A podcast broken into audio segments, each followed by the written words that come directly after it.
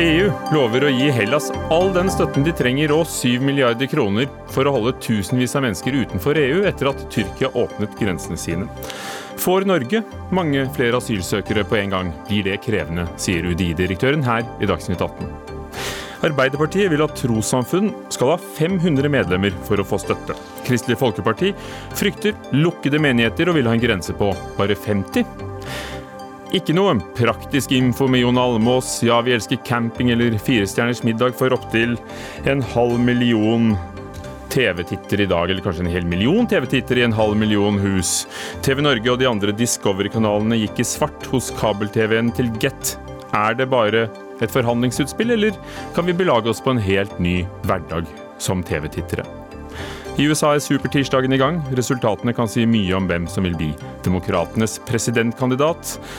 Og så møter vi en forsker som har jobbet 14 år i midlertidige stillinger før hun fikk fast jobb ved et universitet.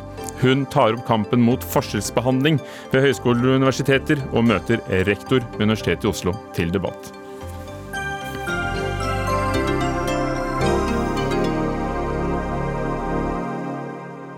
Velkommen til Dagsnytt 18 i NRK P2 og på NRK2 med Ugo Fermariello i dag. Hellas' grenser er EUs grenser, sa EU-president Charles Michel, som takket Hellas for innsatsen langs grensen mot Tyrkia i dag. Det er nå satt i gang tiltak på tyrkisk side av grensen for å kontrollere strømmen av mennesker som vil inn i Hellas, men som ikke får lov. FN ber Hellas om å behandle dem humant. Bakgrunnen er altså at om lag 13 000 mennesker er strandet i et ingenmannsland ved grensen etter at Tyrkias president åpnet grensene mot Europa, mens Hellas ikke åpner sin. Philip Lote, korrespondent for NRK, du står nær den offisielle grenseovergangen i Edirne i Tyrkia. Hvordan er situasjonen der i kveld? I kveld så er det fremdeles veldig mye mennesker her, og vi ser eh, flyktninger, migranter, gå inn og ut av denne Eh, sonen eh, tett opp til eh, den offisielle grenseovergangen. Dette er da en sone ikke vi får lov å gå inn i. Vi slipper ikke lenger inn enn der vi, der vi står nå. Men vi har snakket med mange flyktninger og migranter i løpet av dagen. De forteller hvordan de har blitt hjulpet opp til grensen av biler, av busser som er satt opp av tyrkiske myndigheter. Og vi har også sett hvordan tyrkiske myndigheter på ingen måte har hindret folk i å komme seg inn, men de har eh, eh, styrt dem til tider. Eh, de som var her i dag tidlig, ble sluppet inn i én stor pulje da vi kom rundt klokken ni tyrkisk tid, syv norsk tid. Og så har vi også snakket med andre som ønsket å komme hit til selve grenseovergangen, men som først ble satt av lenger nede langs elven og fikk beskjed om at de kunne krysse der. Hvem er de som forsøker å komme seg fra Tyrkia og videre inn i Europa nå? Ja, det er enkelt fortalt uh, ulike grupper med flyktninger og migranter. Det er jo totalt 3,7 eh, millioner flyktninger og migranter i uh, Tyrkia. De fleste av dem er uh, syrere, men det er også mange afghanere, folk fra Nord-Afrika. Det er noen fra Afrika sør for Sahara. Og vi har sett folk fra alle disse gruppene her oppe i løpet av de siste dagene. Hva sier dem du har truffet? De forteller mye, men særlig når du snakker med eh, de syriske eh, flyktningene, så får du beretninger om fortvilelse, eh, at de er slitne. De forteller at de har levd ustabile liv i over ni år, hvor de, deres barn har avbrutt skolegang. Noen har forsøkt å vende hjem igjen til Syria. Vi snakket med en kvinne i en familie som var fra Raqqa, den gamle IS-hovedsetet før IS ble styrtet. og sa de etter dette vendte hjem, men at de hadde ikke noe hjem å leve i der. At de ikke hadde noe å bygge livet sitt på, så de flyktet tilbake igjen eh, til eh, ut av Syria til Tyrkia, og nå håper de å komme til, eh, til, eh, Europa. De fortalte at de faktisk har en fetter i Norge, at de gjerne vil til Norge, men det viktigste var bare å komme seg videre ut av Tyrkia, som ikke har noe å tilby dem, hvor de leter etter papirer hver dag, prøver å få arbeidstillatelser, reisetillatelser. Alt er vanskelig. De uttrykker rett og slett at de er slitne. De forstår at de er del av et større politisk spill, men de håper at dette kan være et slags vindu hvor etter hvert grensen rett og slett vil vil gi etter at de vil komme seg over. Men de håper, men jeg tror egentlig ikke at de tror det vil skje. Hold tråden litt. Eh, Philip Lote i, i grenseområdet ved Tyrkia og Hellas. Jan Paul Brekke, forsker ved Institutt for samfunnsforskning. Du er nettopp en ekspert på dette med flukt og migrasjon og integrering. Vi hører at folk håper at de eh, kan komme seg inn til EU.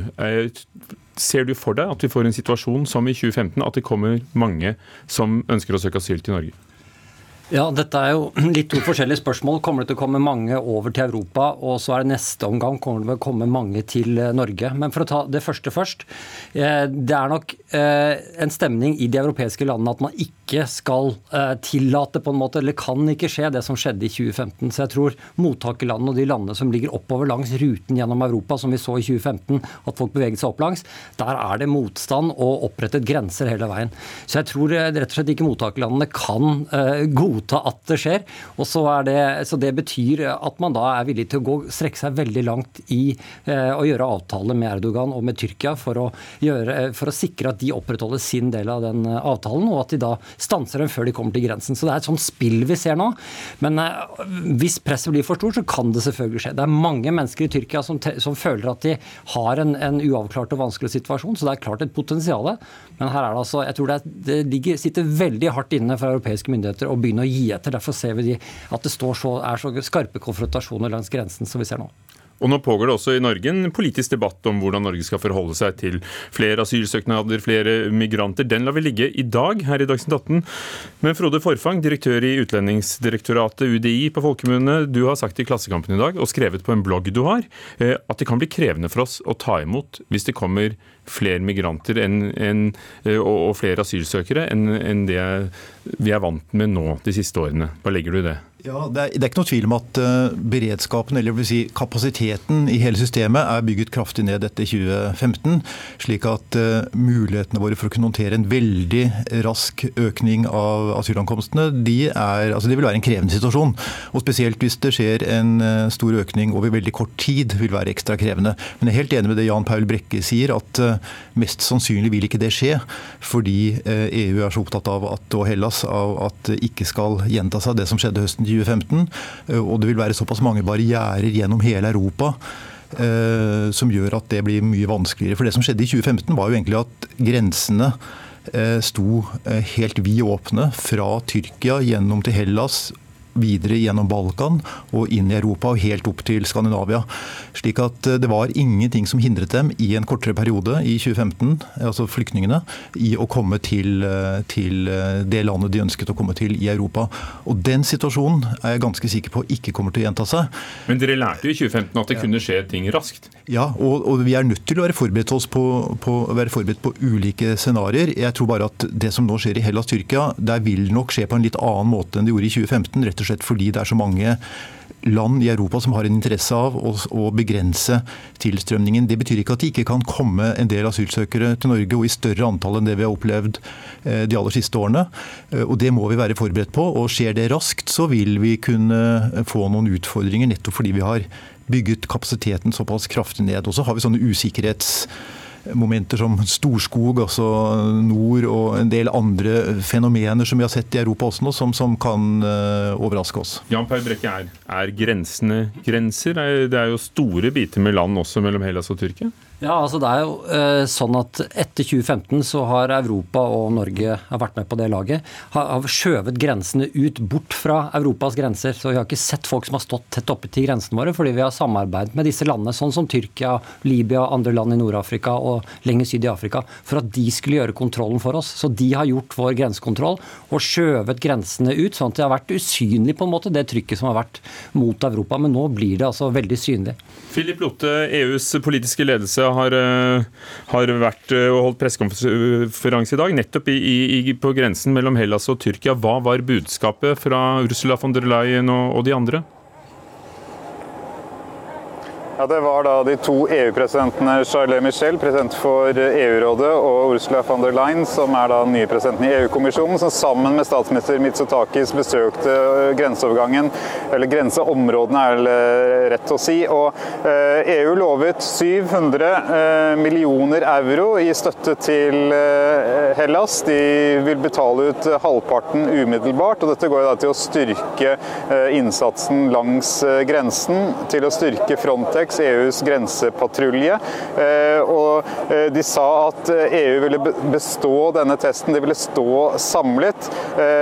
Og de som trodde at EU ville gi etter, de ville bli skuffet, sa Ursula von der Lein i dag. Men så sa også Mitsotakis at EU aldri egentlig har klart å håndtere migrantkrisen fra 2015. De har aldri blitt helt ferdig med den, og at dette på mange måter er en slags eh, vekking, altså at en oppvåkning for hele Europa, sa den greske statsministeren. Jan Perle Brekke, hva er forskjellene fra 2015? Altså Forskjellene er nå at man har opplevd 2015, så skrekken sitter igjen. Den gang så fikk mottakerlandene eh, kritikk, og myndighetene fikk kritikk fordi at de ikke hadde kontroll.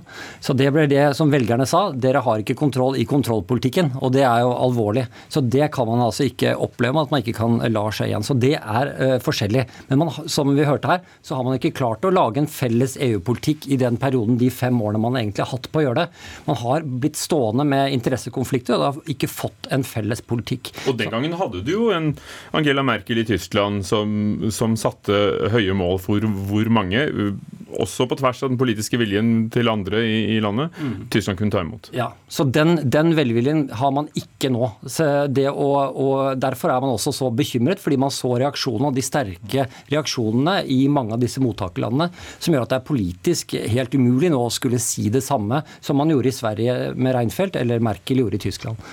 Mm. Hvordan vil du beskrive Frode Forfang, situasjonen mellom Tyrkia og Hellas? Hvordan følger dere med fra Utlendingsdirektoratet? Ja, vi følger jo nøye med på det som skjer, fordi vi må være forberedt på at det kan skje endringer som berører også eh, Norge. Det som er et fenomen som vi ser nå, det er jo at det er ganske blandede eh, migrasjonsmønstre vi ser fra Tyrkia til Hellas. Det er altså ikke bare eh, mennesker som vi kan definere som flyktninger. Det er, og det som gjør det komplisert, er nettopp at det er så blandet. Eh, syrere av de som kommer til altså i, i, i Tyrkia så er det store flertallet av flyktninger syrere. Men av de som kommer over til Hellas, så snakker vi bare om en 15-20% som er syrere. Den desidert største gruppen er afghanere. Eh, og afghanere er det bare knapt halvparten som nå får uh, asyl i Europa. Og det er en lang rekke andre nasjonaliteter og en god del nasjonaliteter som ut fra praksis i Europa nå ikke vil få beskyttelse og ikke vil få asyl. Så det vi ser er at et tilleggsutfordring, hvis det kommer mange, det er at landene vil få en utfordring med at mange av disse vil ikke oppnå asyl. Eh, og vil da sannsynligvis eh, fortsette likevel oppholde seg i ulike europeiske land, men da som papirløse migranter i mange år fremover. Så, så det er en tilleggsutfordring eh, ved at man får en litt sånn mer ukontrollert asylstrøm fra Tyrkia til Hellas. Men mange av disse kan vel like fullt ha et behov for, for hjelp for å, å klare seg? Jo, men det er klart at uh, Asylordningen er basert på at det er visse kriterier som skal oppfylles for at man skal få beskyttelse. Uh, og mange av de som kommer, ikke alle, men mange av de som kommer uh, over til Hellas, har ikke et behov for beskyttelse slik som det defineres av både Norge og andre europeiske land. Altså denne, det, det, er stor oppmerksomhet uh, i norske myndigheter som følger nøye med den situasjonen. fordi at de andre rutene inn i Europa, dette er altså den østlige ruten fra, fra, Tyrkia til Hellas vi snakker om, men de to andre rutene som man har hørt mye om, fra Libya til Italia og fra, Spania, fra Marokko til Spania, der er det grupper. De to andre rutene så kommer det grupper som ikke skal til Norge. Dette er folk som har nasjonaliteter som ikke skal til Norge, som kommer disse vestlige, vestlige og den midtre ruten. Mens akkurat denne ruten her, med syrere og afghanere, det er folk som, som vi hørte også, at det har en tradisjon for å ha Norge som ett av sine målland. Det, er, det, er, det har man, man har allerede en etablert gruppe her. Det er kjennskap til det som et eh, målland, mens andre nasjonaliteter drar til andre land. F.eks. sånn som at eh, vestafrikanere med, som snakker fransk, ender opp i Frankrike og Spania, mens ikke, ikke vurderer Norge engang. Så det, det, er, det er altså eh, kjeder med folk som allerede er kommet, og som har informasjon, og som vet at de kan få beskyttelse her, hvis de f.eks. er fra Syria.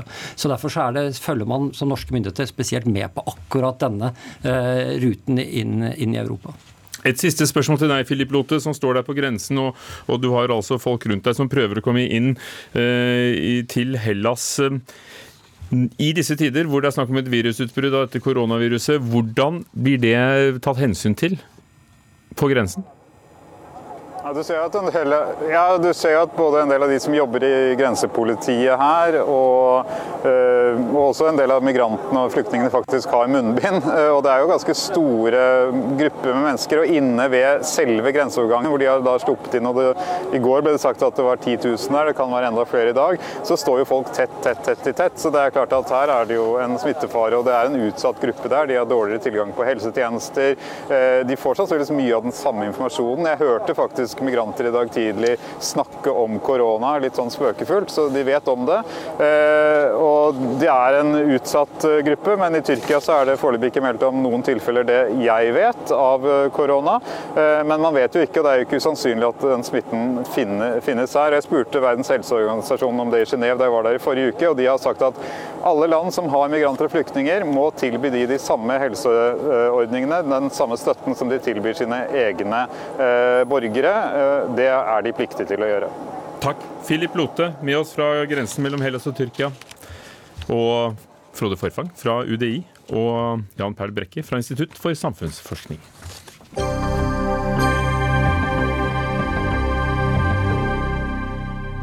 Ingen, det er ingen nedre grense i dag på hvor mange medlemmer et tros- eller livssynssamfunn må ha for å få støtte. Arbeiderpartiet ønsker å sette en grense ved 500 medlemmer. KrF mener 50 medlemmer er en passende grense. Og I forrige uke skrev Aftenposten om en liten evangelisk menighet i Drammen med 26 medlemmer, som frykter at de må legge ned hvis det blir innført en grense. I dag får de ca. 1100 kroner per medlem. Det er tall fra 2018. Rigmor Aasrud, stortingsrepresentant for Arbeiderpartiet. Hvis dere får forslaget deres igjennom, ja, så vil rundt 650 av 850 tros- og livssamfunn miste støtten. Hvorfor ønsker dere dette? Ja, Det er jo ikke riktig. For det vi har sagt er at de kan slå seg sammen, lage en paraply. og Hvis man da kommer opp i 500, så vil man kunne få den støtta. og Da tenker vi at de som har forankra et eh, forholdsvis likt teoretisk grunnsyn kan slå seg sammen. Og det gjør vi jo fordi vi mener at det er viktig at storsamfunnet har kontroll på de midlene vi bevilger. Vi mener det er viktig at vi har eh, eh, organisasjoner som fyller opp det som er viktige demokratiske prinsipper i Norge. Men Er det ikke kontroll i dag? Eh, fylkesmennene, altså Dette er jo en litt uh, pussig sak. for Regjeringa har jo lagt fram et uh, forslag der man har sagt at 500 er en passelig størrelse. Og Det har vi støtta. På den bakgrunn at vi mener det er viktig at det er kontroll. Og fylkesmennene som fører kontroll i dag, sier at de bitte små organisasjonene er det vanskelig å føre kontroll med. At man fyller opp de kravene som er til likestilling, at man respekterer norske lover, at systemet for å godkjenne skilsmisse osv. er i henhold til norske lover. Og da mener vi at hvis man da har en grense på 500, enten for enkeltorganisasjoner eller for grupper av like, eh, like trossamfunn, eh, så vil det være lettere for myndighetene å føre den kontrollen. og Det tror vi er viktig for det er eh, en del eh, ungdommer som opplever ting i trossamfunnet som de ikke burde oppleve. Det er sosial kontroll som ofte er der. og Da mener vi at eh, hvis du har noen større paraplyer som kan være i dialog med myndighetene, så vil det være bra når du får offentlig støtte. For dette skal Stortinget ta, ta stilling til i, i, i, våres, før sommeren. Og, og det er jo det pussige at uh, regjeringen foreslo 500, men så kom KrF med inn i regjering. Og Jorunn Gleditsch Lossius fra Kristelig Folkeparti på Stortinget Stortinget. Eh, dere fikk inn at det skulle være en grense på 50. Eh, det er det dere går inn for. Eh, hvorfor det? Jo, aller først så vil jeg si at vi er veldig begeistra for den nye tros- og livssynsloven som kommer. Nettopp fordi vi legger opp til et livssynsåpent samfunn med mangfold, med rom for uttrykk for tro i det offentlige rom, og for å kjøre en aktiv og støttende tros- og livssynspolitikk. Støttende hvis det er 50 stykker som bekjenner seg til den samme livssyn eller tro? Støttende, men Arbeiderpartiet, med det antallskravet som de legger opp til, på 500, så vil jo, som du var inne på, at uh, tre fjerdedeler av alle trossamfunnene vil miste statsstøtta, altså over 600 stykker. Og Det er det stikk motsatte av en aktiv og støttende tros- og livssynspolitikk. Men i dag er det ingen grense. Hvorfor vil dere også ha en grense, da? Vi ønsker, eh, For vår del så kunne vi gjerne ikke hatt en grense overhodet, nettopp fordi at vi ønsker å signalisere tillit til trossamfunnene. I dag så har vi en, i det norske samfunn en veldig flott dialog og tillit og samarbeid mellom staten og trossamfunnene. Og Det er ganske unikt, og det er en verdi vi må hegne om. Men ved at vi stiller krav til kontroll, til rapportering osv., så, så risikerer vi også at trossamfunn faktisk velger å avstå fra å motta statsstøtte. Og Det ville være en veldig trist og ville åpne det stikk motsatt av den dialogen som, som jeg egentlig tror også Arbeiderpartiet kunne tenke seg. Men, det, Men er det virkelig en god dialog med 850 trossamfunn, hvor da noen har ja, f.eks. 26 medlemmer, da, som i Drammen? Vi ønsker å føre en aktiv og støttende tros- og livssynspolitikk. Jeg tenker Arbeiderpartiet tar kanskje ikke inn over seg bare innenfor kristne trossamfunn, så er det et helt spekter av menigheter. Og nettopp det mangfoldet, det er så flott. Fordi at det betyr at alle mennesker kan finne seg en menighet der de har sin identitet, og der de hører hjemme. høres det ut som Kristelig Folkeparti nå er fornøyd med den dialogen, og det som er resultatet av den dialogen som er med alle trossamfunn. Når vi hører om sosial kontroll, eh, noe av det kontroll kontrollmekanismene som er der ute, så syns ikke vi det. Og så vil jeg understreke, vi har ikke sagt at man ikke skal få, men hvis man er veldig liten, så bør man slå seg sammen der man har et teologisk ganske likt grunnlag.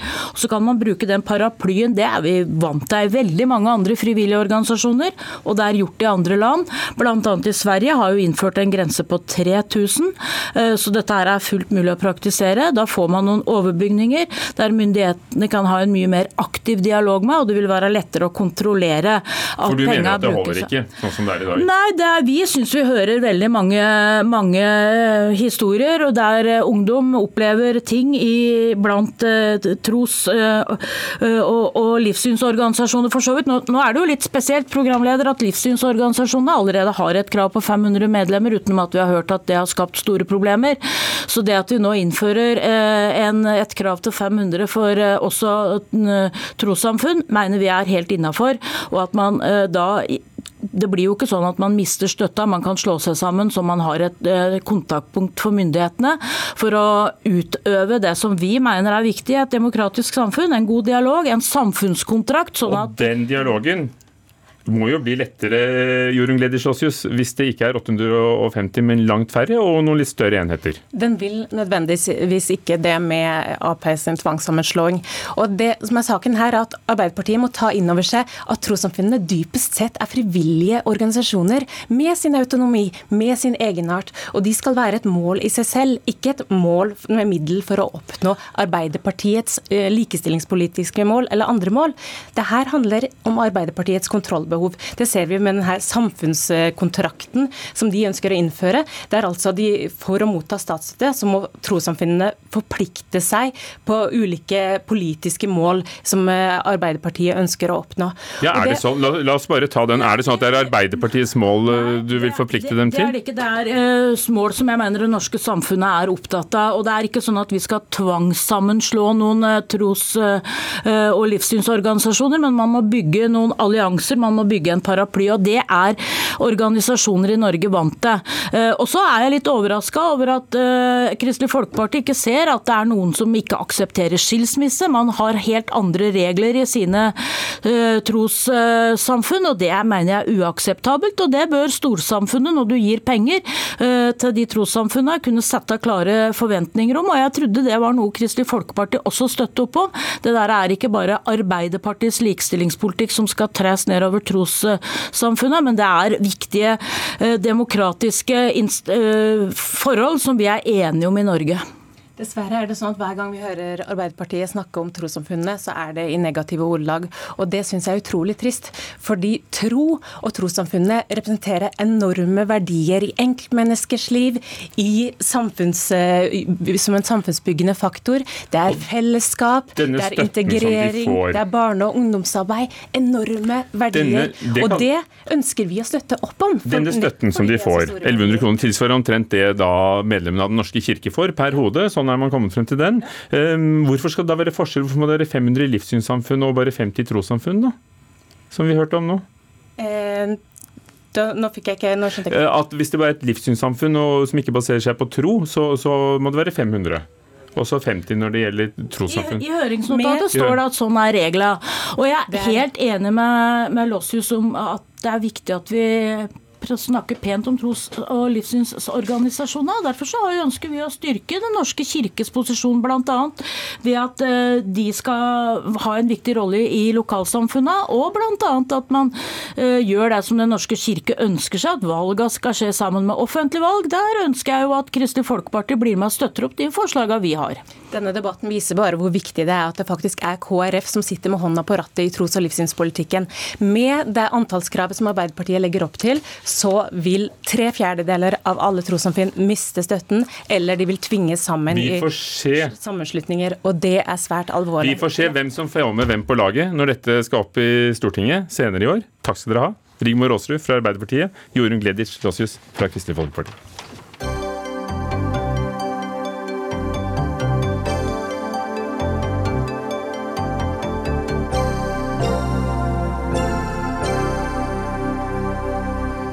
Hva skal de gjøre nå? Den millionen mennesker som kanskje hadde tenkt seg å se Brille eller Praktisk info med Jon Almås, Firestjerners middag, Venner for livet, eller kanskje Eliteserien etter hvert, en god fotballkamp.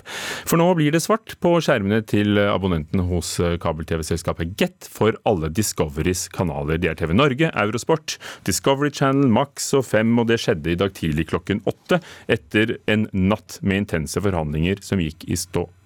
Espen Skoland, nordisk kommunikasjonsdirektør i Discovery. Har dere gått i krig mot kabel-TV-selskapene og Getta nå? Nei, eh, og vi var jo litt overraska da vi fikk beskjed gjennom pressen i dag at eh, Get mente at det var brudd i forhandlingene. Det fikk vi jo først høre av bl.a.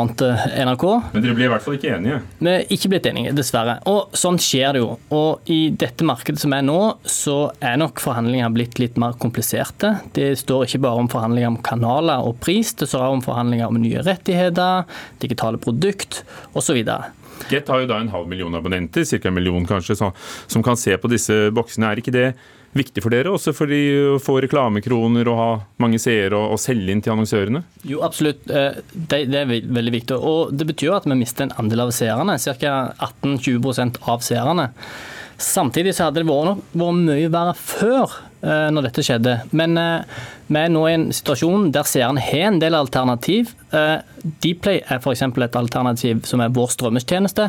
Så det er sånn i dag, dessverre så står vi i den situasjonen vi står i, men seerne har mulighet til å se alt vår innhold direkte på vår strømmetjeneste Dplay. Stein Erik Velland, administrerende direktør i Telia Norge. Det er dere som eier Get. Dere kjøpte for ganske mye penger for ikke så lenge siden.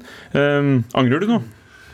Overhodet ikke. Eh, Vi er eh, veldig fornøyd med oppkjøpet vårt og hvordan det komplementerer eh, våre andre tjenester i telekommarkedet i Norge. Hvorfor har det gått galt med forhandlingene her? Vil de ha for mye, er det det? Nei, men altså, Det, det kreves jo alltid to parter til å, til å ikke bli enige. Så, så i, i, i litt sånn rettferdighetens lys så syns jeg at uh, det ligger nok litt på begge sider. Men uh, for, for vårt vedkommende så var det veldig klart at eh, vi har våre kunders interesser i mente. Og eh, eh, det er en frihet som eh, våre kunder skal få lov til å velge kundepakker. Og eh, Det var ett av elementene som, eh, som gjorde at vi, vi da kom til dette skrittet. Så skal det også nevnes at eh, vi har ikke anledning til å slå av uten å informere da Discovery i forkant, så de fikk eh, godt varsel om dette opptil flere ganger. Ja, ja. Det, det får dere ta på kammerset. Um, hva får kunden i stedet? Fordi folk kan jo ha tegnet et abonnement hos dere og glede seg til Eliteserien eller TV Norge f.eks.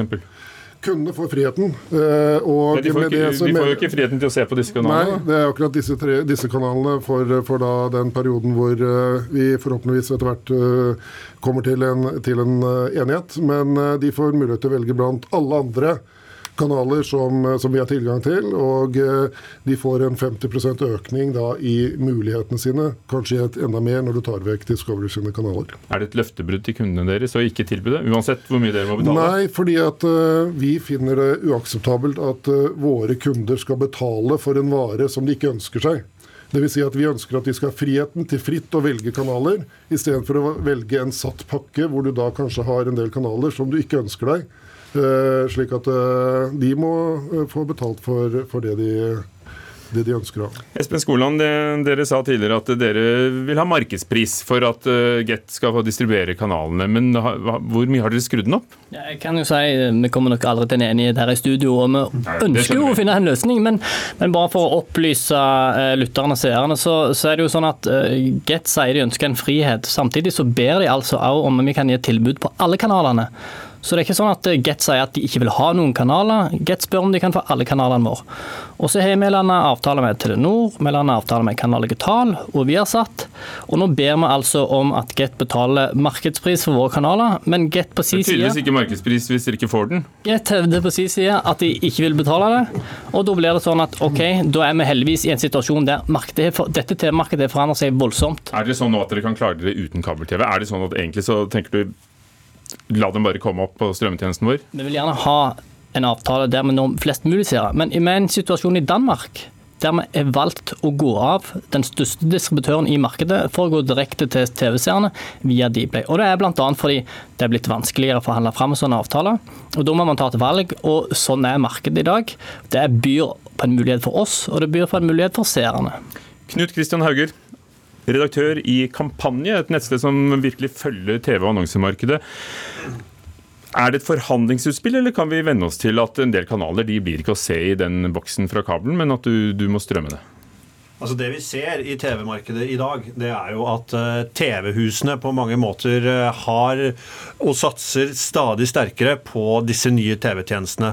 Og Det skyldes jo at de ser at uh, det inntektsbenet de har stått så støtt på i tiår etter tiår nå, reklamemarkedet er eh, ikke like solid lenger. Vi, det har vært ganske stabile inntektsutvikling der, og nå skal det markedet Og det har begynt å falle, og det markedet skal etter all sannsynlighet videre ned.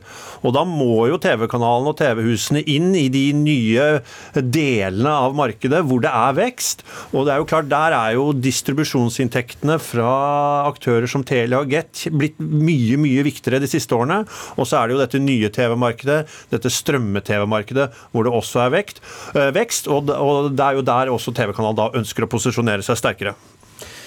Hvor mange abonnementer tror du folk vil tegne på strømmetjenester? Altså HBO, Netflix, Sumo, Dplay. Går det en grense?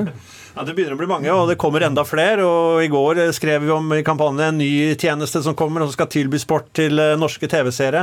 Så det er klart eh, det er en grense for hvor mange tjenester vi orker å forholde oss til. Eh, kanskje TV-distributøren etter hvert kan begynne å lage noen modeller der hvor kundene kan få en pakke med strømme, strømmekanaler.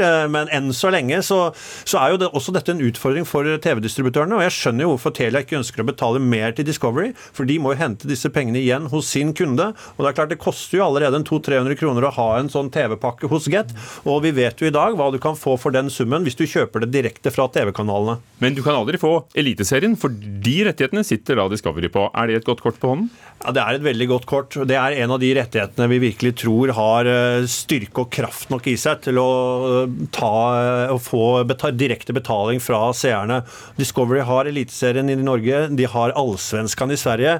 Så når Skoland sier at dette ikke er en krig, så kjøper jeg ikke det helt. For han har en amerikansk toppsjef som har gitt han en ganske klar marsjordre om at de skal satse mer offensivt i Norden. Og de er nå i brudd i Danmark, de er i brudd i Sverige, de er i brudd i Norge. Og eh, de har fått en beskjed om å satse mer offensivt på å bygge opp denne nye strømmetjenesten Dplay. Så jeg leser dette som en liten krig mot distributørene som de har dratt i gang nå. Hvordan eh, leser du det, Stein Erik Velland, som, som sjef for nettopp da Get? Nei, men det er klart at, eh, at dialogen har tilspisset seg, samtidig som, uh, som jeg tror at vi er nødt til å litt sånn fra, fra sportsveien si at vi, vi, må holde øynene på ballen. Og ballen er kunden, så vi må gjøre det som er til det beste for våre kunder. Og gitt det, så tror jeg nok at vi skal finne en løsning etter hvert. Tror du det? Det er ingenting med å finne en løsning. Og jeg ser at Get sier at de vil jobbe hardt for dette. Vi har sagt at dere må gjerne komme tilbake til forhandlingsbordet. Vi er klar for det. Så vi håper jo At det er det som er den Og Vi skjønner at dette er lokale forhandlinger, men er det en eier som sitter i USA og, og legger noen krav på Eh, hvor de skal tjene pengene? Jeg ser at vi veldig ofte blir omtalt som amerikanske, og vi har eiere som er amerikanske, det er helt sant. Men dette er lokale forhandlinger som skjer i Norge og Sverige, som bl.a. dere er med på sjøl. Eh, og så er det jo sånn at vi står i et marked som endrer seg kraftig. Vi er nødt til å bygge et nytt bein som er et digitalt bein, samtidig som vi vil ha gode, langsiktige partnerskap med distributørene, og det er der vi er nå. Knut Kristian Hauge, du hørte jeg runde i tonen mot hverandre. Men um, er det sånn at vi kan måtte venne oss til en hverdag uh, som ser annerledes ut? Ja, definitivt. Og i Danmark er det jo blitt uh, en sånn hverdag. Uh, og vi vet jo fra tidligere at det har vært veldig tøffe tak. Sist gang Discovery var i en tilsvarende situasjon i Norge, endte det med ti dager med svarte skjermer. Da forhandlet de med Telenor. Nå får vi se hvor alvor de mener i forhandlingene med Get. Om det blir all in på Dplay, eller om man kommer fram til en løsning. Takk skal dere ha. Knut Kristian Hauger, redaktør i Kampanje. Espen Skoland eh, fra Discovery og Stein Erik eh, Velland, administrerende direktør, Telia Norge.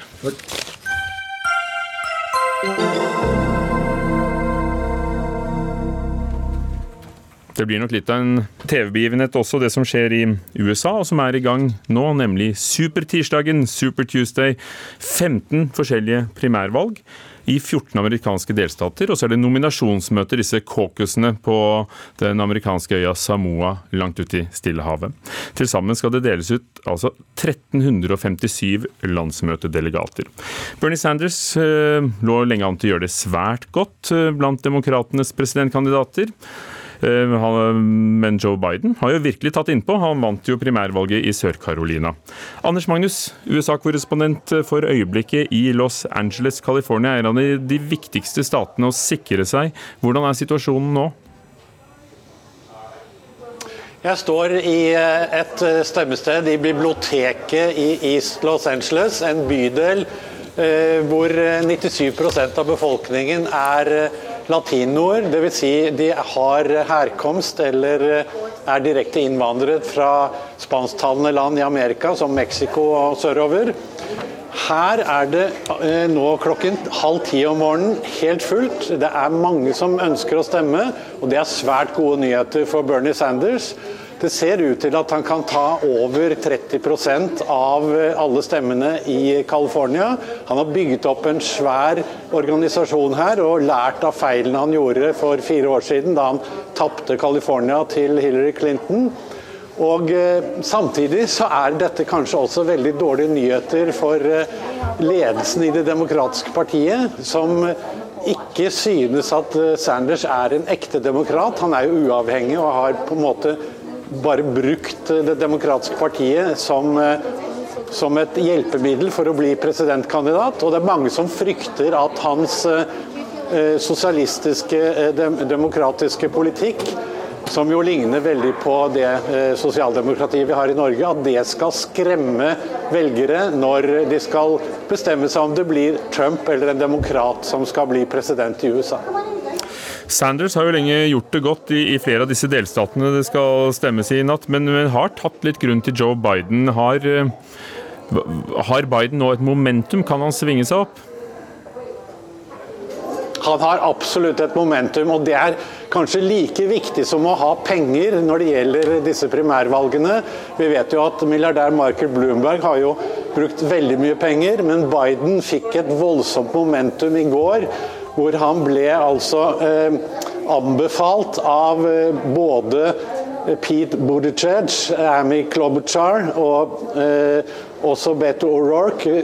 Alle tre har vært eh, med i dette, eh, denne konkurransen om å bli demokratisk presidentkandidat. Nå anbefaler de Biden, og det virker som om eh, denne moderate delen av det demokratiske partiet nå kanskje litt desperat, forsøker å demme opp for den voldsomme populariteten som de ser at den mest radikale kandidaten i partiet, Bernie Sanders, har for tiden.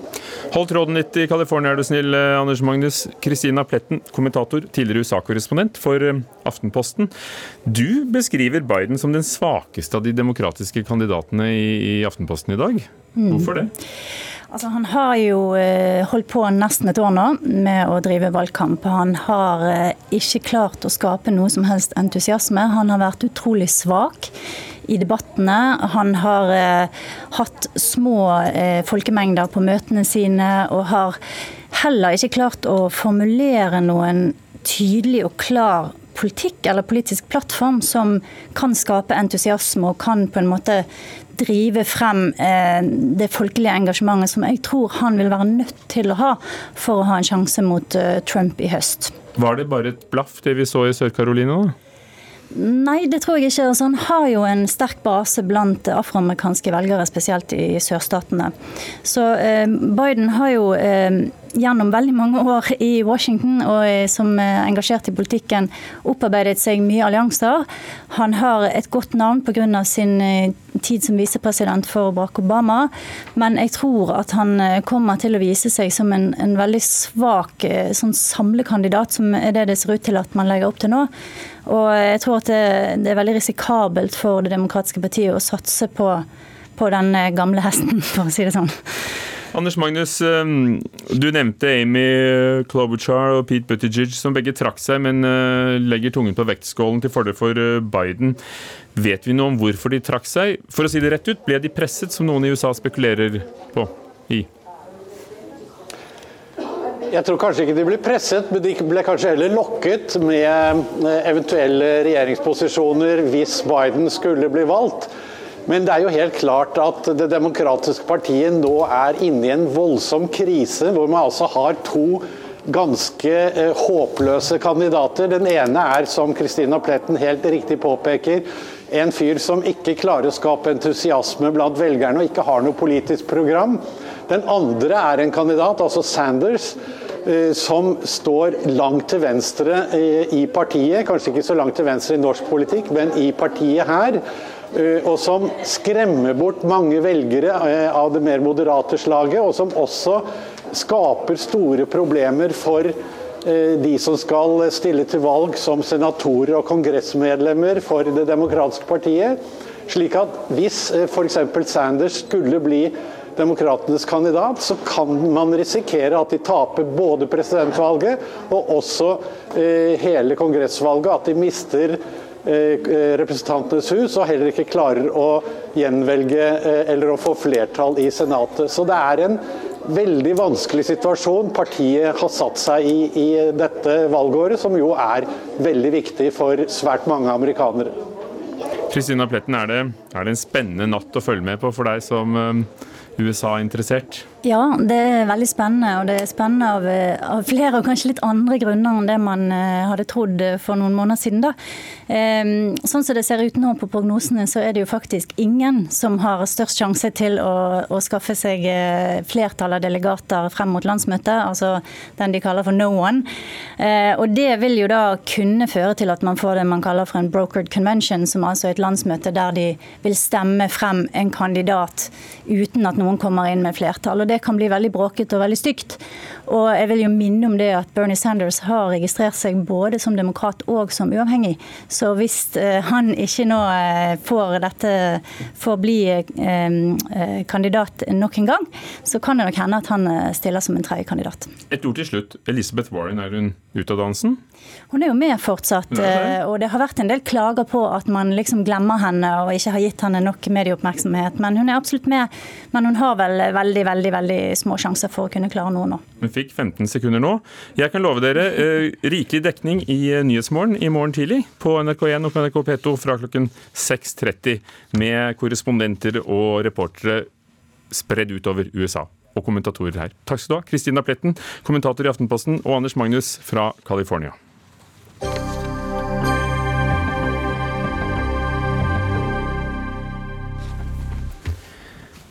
Universitetene er, viser det seg, og det er tallenes tale, verstinger når det kommer til bruk av midlertidig ansettelse. Landsgjennomsnittet er på omtrent 8,7% midlertidig ansatte. Kunnskapsdepartementet anslår at antallet er 13,7% innen høyere utdanning. Altså 8,7 er gjennomsnittet, 13,7 i høyere utdanning. Og en av dem som har vært en del av denne statistikken, tar nå et oppgjør med situasjonen. Ingrid Lossius Falkum, førsteamanuensis ved Universitetet i Oslo, lingvist, i et intervju i Krono som tar for seg høyere utdanning, eh, Nettavisen, fortalte om 14 år i forskjellige midlertidige stillinger. Er det en vanlig historie fra universitetene? Ja, eh, jeg tror nok dessverre at det er en ganske vanlig historie. Eh, jeg har fått mange tilbakemeldinger etter saken som ble publisert i går, eh, fra andre midlertidig ansatte, som er veldig glad for at det nå settes fokus ikke bare på andelen midlertidighet, for den er jo altfor høy, men også det mange opplever som et kulturproblem ved Universitetet i Oslo, med en forskjellsbehandling av midlertidig vitenskapelig ansatte. For Du kaller det et B-lag, og hva er din erfaring med å være på et B-lag i 14 år, som du kaller det? Eh, ja, altså Det eh, første gjelder jo eh, en del oppgaver som man som midlertidig ansatt ikke får anledning til å utføre. Det gjelder bl.a. midlertidig ansatte i forsker- og postdoktorstillinger som ikke får lov til å undervise og veilede studenter. Og Dette er jo stillinger hvor man skal kunne kvalifisere seg til faste vitenskapelige stillinger. Eh, og erfaring med undervisning og veiledning er jo et eksplisitt kvalifikasjonskrav for ansettelse bl.a. i førsteamanuensisstillinger. Så her har vi jo en situasjon hvor universitetet hindrer eh, midlertidig ansatte i å kvalifisere seg til de faste stillingene ved at de ikke lar dem undervise og veilede studenter. Kan du by på en kort forklaring på hvorfor du tror Ingrid Låsvis Falkum, det er så vanskelig å bli fast ansatt. Når du har hatt 14 år da, før du nå er førsteamanuensis, eh, tydeligvis dyktig, for du har jo doktorgraden og vært forsker i, i London og eh, har jo virkelig CV-en i orden. Hvorfor tror du det er så vanskelig? Jeg tror at det handler eh, delvis om eh, det som har blitt beskrevet som vel, instituttet sier at de må være veldig påpasselige med å ikke favorisere enkelte midlertidig ansatte over andre, sånn at de får fortrinnsrett til stillinger. Så jeg tror denne eh, redselen for at noen skal kunne opparbeide seg fortrinnsrett til stillinger, den eh, henger over mange eh, instituttledere for tiden. Svein Stølen, rektor ved Universitetet i Oslo. Er dere det? Er dere redde for å ende med en mengde fast ansatte som har opparbeidet seg rettigheter? og ja. Jeg tror vi skal starte med å si at vi er helt avhengig av midlertidig ansatte. Ph.d.-studenter, postdokker i, i, i, høyest eh, grad. Det er altså helt essensielt. De driver og tar en utdanning som er en doktorgrad og en postdoc. Eh, så er det viktig å huske at de aller, aller fleste doktorstudentene de skal ut av akademia. Vi utdanner for samfunnet rundt oss, for arbeidslivet. Det er vår største portefølje. Da slutter de vel, da? Hmm? Hvis de hadde fått en stilling og heller vil et annet sted, så slutter de vel bare? Da? La meg ta et eksempel fra det fagfeltet jeg kommer, realfag. Så er det 150 150 ph.d.-er i løpet av et år. Kanskje tre av de ender opp i fast stilling på universitetet. 147 går ut. Og Det er viktig, så det må vi legge vekt på når vi gjør vår karrierepolitikk. Når det gjelder for øvrig, så har vi et et arbeids... Eh, hva skal vi si, vi har et arbeidsmiljø hvor vi har ulike oppgaver på ulike mennesker. Vi har noen som underviser 100 i lektorstillinger. Vi har noen som forsker 100 i forskerstillinger. Og så har vi disse eh, professorstillingene hvor du har 50-50 forskning og utdanning. Og Det å ha et slikt eh, hva skal vi si, et sånn stillingspool av ulike typer mennesker som har litt ulike oppgaver, det er en del av essensen av å være et universitet. Så det er ikke sånn at alle kan forvente å undervise? Nei, det kan de ikke. Men det er viktig å si at vi er, jeg erkjenner at vi ikke har gitt postdokkene nok, gode nok muligheter til å undervise. Vi har en eh, styresak til Men Har dere aktivt hindret dem i å undervise, slik at de ikke skulle kvalifisere seg? Eh, ikke for at de ikke skal kvalifisere seg, men vi har nok brukt deres arbeidskapasitet til andre ting. Eh, vi har styremøte 10.3 hvor vi skriver at de skal få lov til å undervise. Så vi er enig med problemstillingen, og vi løser den nå. Ingrid Losshus Falkum, kan du forstå at det det trengs midlertidig ansatte. Det er ikke en arbeidsplass som, som alle andre. Det forstår jeg eh, veldig godt. Og eh, mitt poeng er vel ikke nødvendigvis eh, at vi har Altså mitt problem er ikke det at vi har midlertidig ansatte, men hvordan midlertidig ansatte har blitt behandlet eh, ved UiO. Jeg tenker på det som eh, Stølen sier om eh, dette nye som kommer for postdoktorene, hvor de skal få anledning til å undervise. Det er veldig bra. Eh, men det er en kategori ansatte som ikke omfattes av de nye tiltakene, og det er forskerne. Og forskerne er jo de som typisk vil få inngå i Forskningsrådets unge forskertalentprogram, bl.a. Det er de dyktigste unge forskerne vi har. De vil inngå i forskerstillinger. Ehm, men likevel er det sånn at ved UiO så får de ikke lov til å undervise eller veilede studenter. Det er viktig at vi har 1,7 milliarder i eksterne prosjekter per år. Her trenger vi forskere som jobber 100% forskning, og en stor andel av disse forskerne er i den eh, poolen. De får betalt Så, direkte fra disse de, Det er soleklart at mye av dette er ekstern finansiering, absolutt. Det betyr ikke at vi ikke kan ansette fast. Faste forskere er en stillingskategori som bare øker ved Universitetet i Oslo, og vi har som hensikt, til hensikt å øke den kategorien enda mer. Guro Lind, leder i Forskerforbundet. Vil dere alltid undervise, forresten? Forskere? Trodde mange gjerne ville forske? Eh, det er klart det er ulike behov, men det framstår jo som noe rigid når man har en generasjon av unge forskere som har lyst til å undervise, og som har mye å bidra med, eh, og studenter som, eh, hvor dette kunne kommet studentene til gode vært inspirerende og spennende å høre på at det er såpass rigid tankegang at man eh, ikke kan få til dette som et karrierefremmende tiltak. For det er klart at dette ikke, burde ikke være tette skott. Forskerne er jo ofte i det forskerløpet fordi at det er vanskelig å kvalifisere seg til å bli, bli førsteamanuensis, og at man bøter på det etter postdokken. Så tar man en forskerperiode for å kvalifisere seg, og så ønsker mange å komme inn igjen som førsteamanuensis. Og da trenger de undervisningserfaringen. Og Dere er jo opptatt av dette med midlertidighet. Eh, det er jo en av fanesaken deres. Det tror jo til og med det er mørketall og mye større tall enn det departementet opererer med. Men uansett, departementets tall er altså høyere enn resten i, av, av, samfunnet. Eh, hvilken opplevelse har medlemmene dine av, eh, av hvordan det foregår? Altså det jeg tenker er at det er veldig trist at saken til Ingrid Lossium Falkum ikke er unik. Dette er hverdagen til mange unge forskere i Norge. Eh, de jobber lange arbeidsuker. De gjør uunnværlige oppgaver for samfunnet, og likevel så tilbys de ikke fast stilling. Og Det er mange som ikke tør å si fra om disse problemene, fordi de er redde for hvordan det skal påvirke deres karrieremuligheter videre negativt. Og dette er faktisk et samfunnsproblem, fordi at vi står overfor store utfordringer i samfunnet som vi trenger å løse. Vi har det grønne skiftet, vi skal løse kreftgåten osv. osv. Og, og samtidig så ser vi at interessen for en forskerkarriere er dalende. Stølen, kunne dere ansatt flere? Kunne dere også, Hvis midlene uteble, så kunne dere heller Tratt-innstillingen? Eh, og det gjør vi i økende grad. Vi har redusert midlertidigheten blant vitenskapelige vitenskapelig ansatte med 5,5% siste to år. Så da anerkjenner dere at det ikke er ønskelig? da? Vi anerkjenner at den skal være lavere. En grad av midlertidighet kommer vi alltid til å ha, men nivået er for høyt per i dag. Og vi jobber aktivt for å redusere andel midlertidig. Hvor bør det ligge? Kan det ligge et sted hvor dere blir enige? Nei, det tror jeg ikke at er så enkelt. For jeg tror det varierer ganske sterkt mellom ulike fag. Dette vil se ulikt ut i teologi, eller om du driver med kreftmedisin, eller om du driver med IKT. Så jeg tror ikke det er ett tall. men jeg tror tror at det må tilpasses den virkeligheten du er i det forskningsfeltet og den, den, den, eh, hva skal vi si, den type problemstillingen du jobber med. Hva synes du om svaret, Guro Lind, Forskerforbundet? Jeg syns det er for svakt. Eh, her har eh, tidligere forskningsminister Iselin Nybø vært forbilledlig og sagt at midlertidighetsnivået skal ned på nivået med samfunnet for øvrig. Nå ligger de dobbelt så høyt som resten av samfunnet, og det er det ingen grunn til. For da tar vi bort ph.d.-kandidatene, og vi tar også bort postdokkene. De er ikke med i dette regnestykket. Så når de legges på toppen, så snakker vi helt andre midler. Doktorgradsstudentene altså. Ja. Husk at vi er i en internasjonal konkurranse med de beste universitetene i andre land.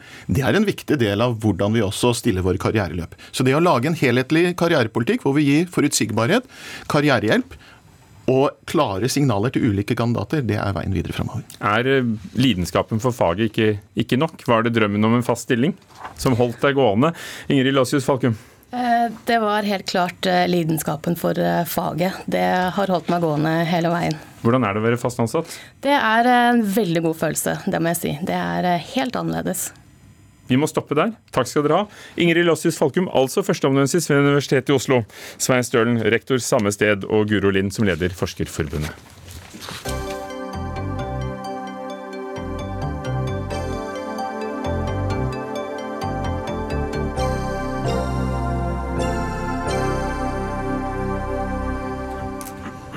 Fremskrittspartiet bygger videre på en internasjonal trend ingen ønsker til Norge. Terrorstempling av lovlige organisasjoner. Dette skriver generalsekretæren i Norsk Folkehjelp i et debattinnlegg i Aftenposten i dag. Og det skjer etter at eh, en eh, stortingspolitiker fra Frp har tatt opp Norsk Folkehjelps samarbeidspartner, nemlig jordbruksorganisasjonen og bondeorganisasjonen UAWC på Vestbredden i Israel. Henriette Westrin, generalsekretær i Folkehjelpen. Hvorfor reagerer du på at uh, FrPs politiker tar opp denne saken? Det er jo akkurat som du innleda med. Vi jobber i mange land, og vi ser en bekymringsfull trend at eh, myndigheter i autoritære regimer de setter terrorstempler på organisasjoner de ikke liker.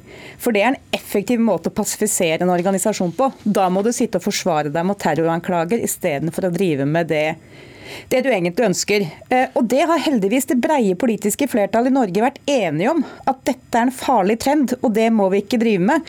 Mens i dag har altså den fremste demokratiske talerstolen i Norge, Stortingets talerstol, blitt brukt nøyaktig på den måten som vi ellers er bekymra for. Iman Shugulati, det er du som er politikeren fra Frp, nestleder i Israels Venner også. Du fikk utviklingsministeren på banen i Stortinget i dag fra denne talerstolen, og tok opp Norsk Folkehjelps samarbeid med UAWC. Har du terrorstemplet dem?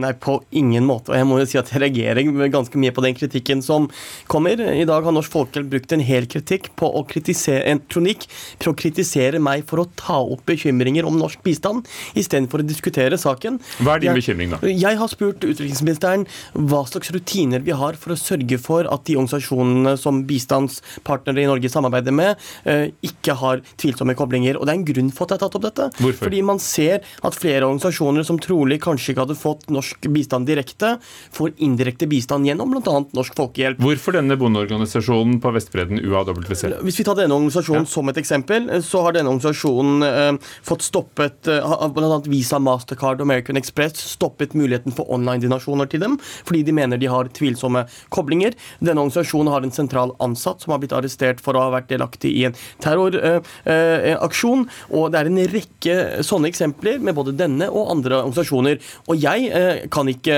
sette dom over disse organisasjonene, men det jeg er opptatt av, det er jo hva slags rutiner vi har for å sørge for at norsk bistand, norske skattebetalers penger, ikke går til organisasjoner som kan ha eh, tilknytning til i verste fall terrororganisasjoner. UAWC er altså det palestinske bonde- og småbrukarlaget. Eh, de har fått disse anklagene mot seg en rekke ganger, og vi har gang på gang motbevist de. Ikke, altså, de har aldri drevet med online-donasjoner via Mastercard eller Visa, så dette er en påstand som ikke stemmer. Derimot er det jo riktig at de færreste palestinske organisasjoner får lov til å bruke Mastercard og Visa, for det får du ikke med disse bankkontoene du har i Palestina. Så det er bare et eksempel. Det er masse feilaktige påstander. Går dere etter organisasjonene dere samarbeider med, går dere dem etter i sømmene? Å oh ja, absolutt. Hvordan? Eh, på mange måter. Eh, vi kjenner disse organisasjonene godt. Eh, vi, vi, sjekker de, vi er i tett dialog med de. Og dette her, dette her, er en organisasjon som har fått disse anklagene mot seg i over ti år. Og det har blitt der Norad har sett på de, australske donorer har sett på de, vi har sett på de. Vi, så det er mange som sjekker de på ulike måter. Men de er jo en politisk aktør, så de har en politisk stemme. Og det er den stemmen som man ønsker å kneble, nettopp med denne type påstander. Og hvis du generelt var opptatt av, av bekymringa, så burde du ikke løfte opp enkeltorganisasjoner, som igjen da får feilaktig disse anklagene mot seg. En generell diskusjon om hvordan vi skal bekjempe terrorisme. Var det denne organisasjonen, eller var det en generell bekymring du tok opp i dag? Mitt spørsmål er generell, et generelt spørsmål om rutinene, og så har jeg brukt noen eksempler. og Jeg skjønner ikke hvorfor Norsk Folkehjelp er så redd øh, for en debatt om rutinene. Fordi det vil jo men være... Det, nå fikk du et svar på hvilke ja, rutiner de har. Hva synes du? Ja, men jeg, det jeg er opptatt av, er myndighetenes rutiner. For jeg tenker at organisasjoner som ikke direkte kan få støtte fra UD for norsk bistand, de bør man kanskje også ha en ekstra sjekk på uh, før de får bistand fra uh, indirekte gjennom f.eks. Norsk Folkehjelp. Og, og, dette tar jeg jo opp fordi det er en kontekst. Det har over mange år vært bekymring rundt at palestinske myndigheter betaler ut såkalt fangelønn fra Martyrfondet, altså lønn til terrordømte personer. Norsk Folkehjelp har også selv inngått forlik med USAID uh, tidligere, fordi man har brutt noen av vilkårene og hatt kontakter med organisasjoner som Hamas som har vært uh, brutt på klausulene for å få uh, bistand fra USA. Så, så, det er jo en grunn for at jeg tar opp dette, fordi vi, det er en historie okay, Kan du forstå den grunnen, Henriette Wester? Kan du forstå bekymringen over at myndighetene, i og med at de fordeler offentlige midler via, via dere og så til samarbeidspartnere, i politiske betente områder uh, skal ha en rutine? Og det, det, er kjempeviktig at de har. og Derfor så var jeg også så glad for det klare svaret fra Ulstein i dag. fordi at Han var jo veldig tydelig på å si at vi trenger sterke demokratiske organisasjoner. Det er et problem når de får falske anklager mot seg. og Det er de falske anklagene vi vil til livs, ikke de legitime debattene. Men da må du ikke skyve enkeltorganisasjoner foran deg. Når du snakker om hvordan palestinske, poenget er, når du snakker om hvordan palestinske fanger blir behandla, så har det ingenting med Bonde- og småbrukarlaget å gjøre. Men de må hele tida forsvare For Bonde- og småbrukarlaget på Vestbredden, da. På Vestbredden, ja, ikke sant? Skjøv du dem foran deg? Var du litt for spesifikk? Nei, spørsmålet mitt er generelt og på rutiner, men vi må også tørre å ta opp de konkrete Var eksemplene. du fornøyd med svaret fra Ulstein? Eh, Jeg, jeg var Altså, fornøyd med at han, tar, eh, han tok eh, saksalvoret på alvor, og det er jeg glad, glad for. Og så håper jeg også at han går nøyere inn i de eksemplene som vi har kommet med, som vi er bekymret for. Er du, er du, når du tok opp denne organisasjonen, og du er altså med i Ikke bare med, du er nestleder i Israels venner. Har det en sammenheng? Vel, dette er en organisasjon som jeg nevner andre har eh, også vært kritiske til, og derfor var dette et viktig eksempel. Mens vi mener at dette er typisk eksempel på uriktige anklager som de har fått gang etter gang etter gang. er Henriette Westrin, generalsekretær i Norsk Folkehjelp, og Himanshu Gulati fra Frp. Det var Dagsnytt 18. Finn Li var teknisk ansvarlig. Dag Dørum ansvarlig for det hele. Ugo Fermariello programleder. Takk for oss.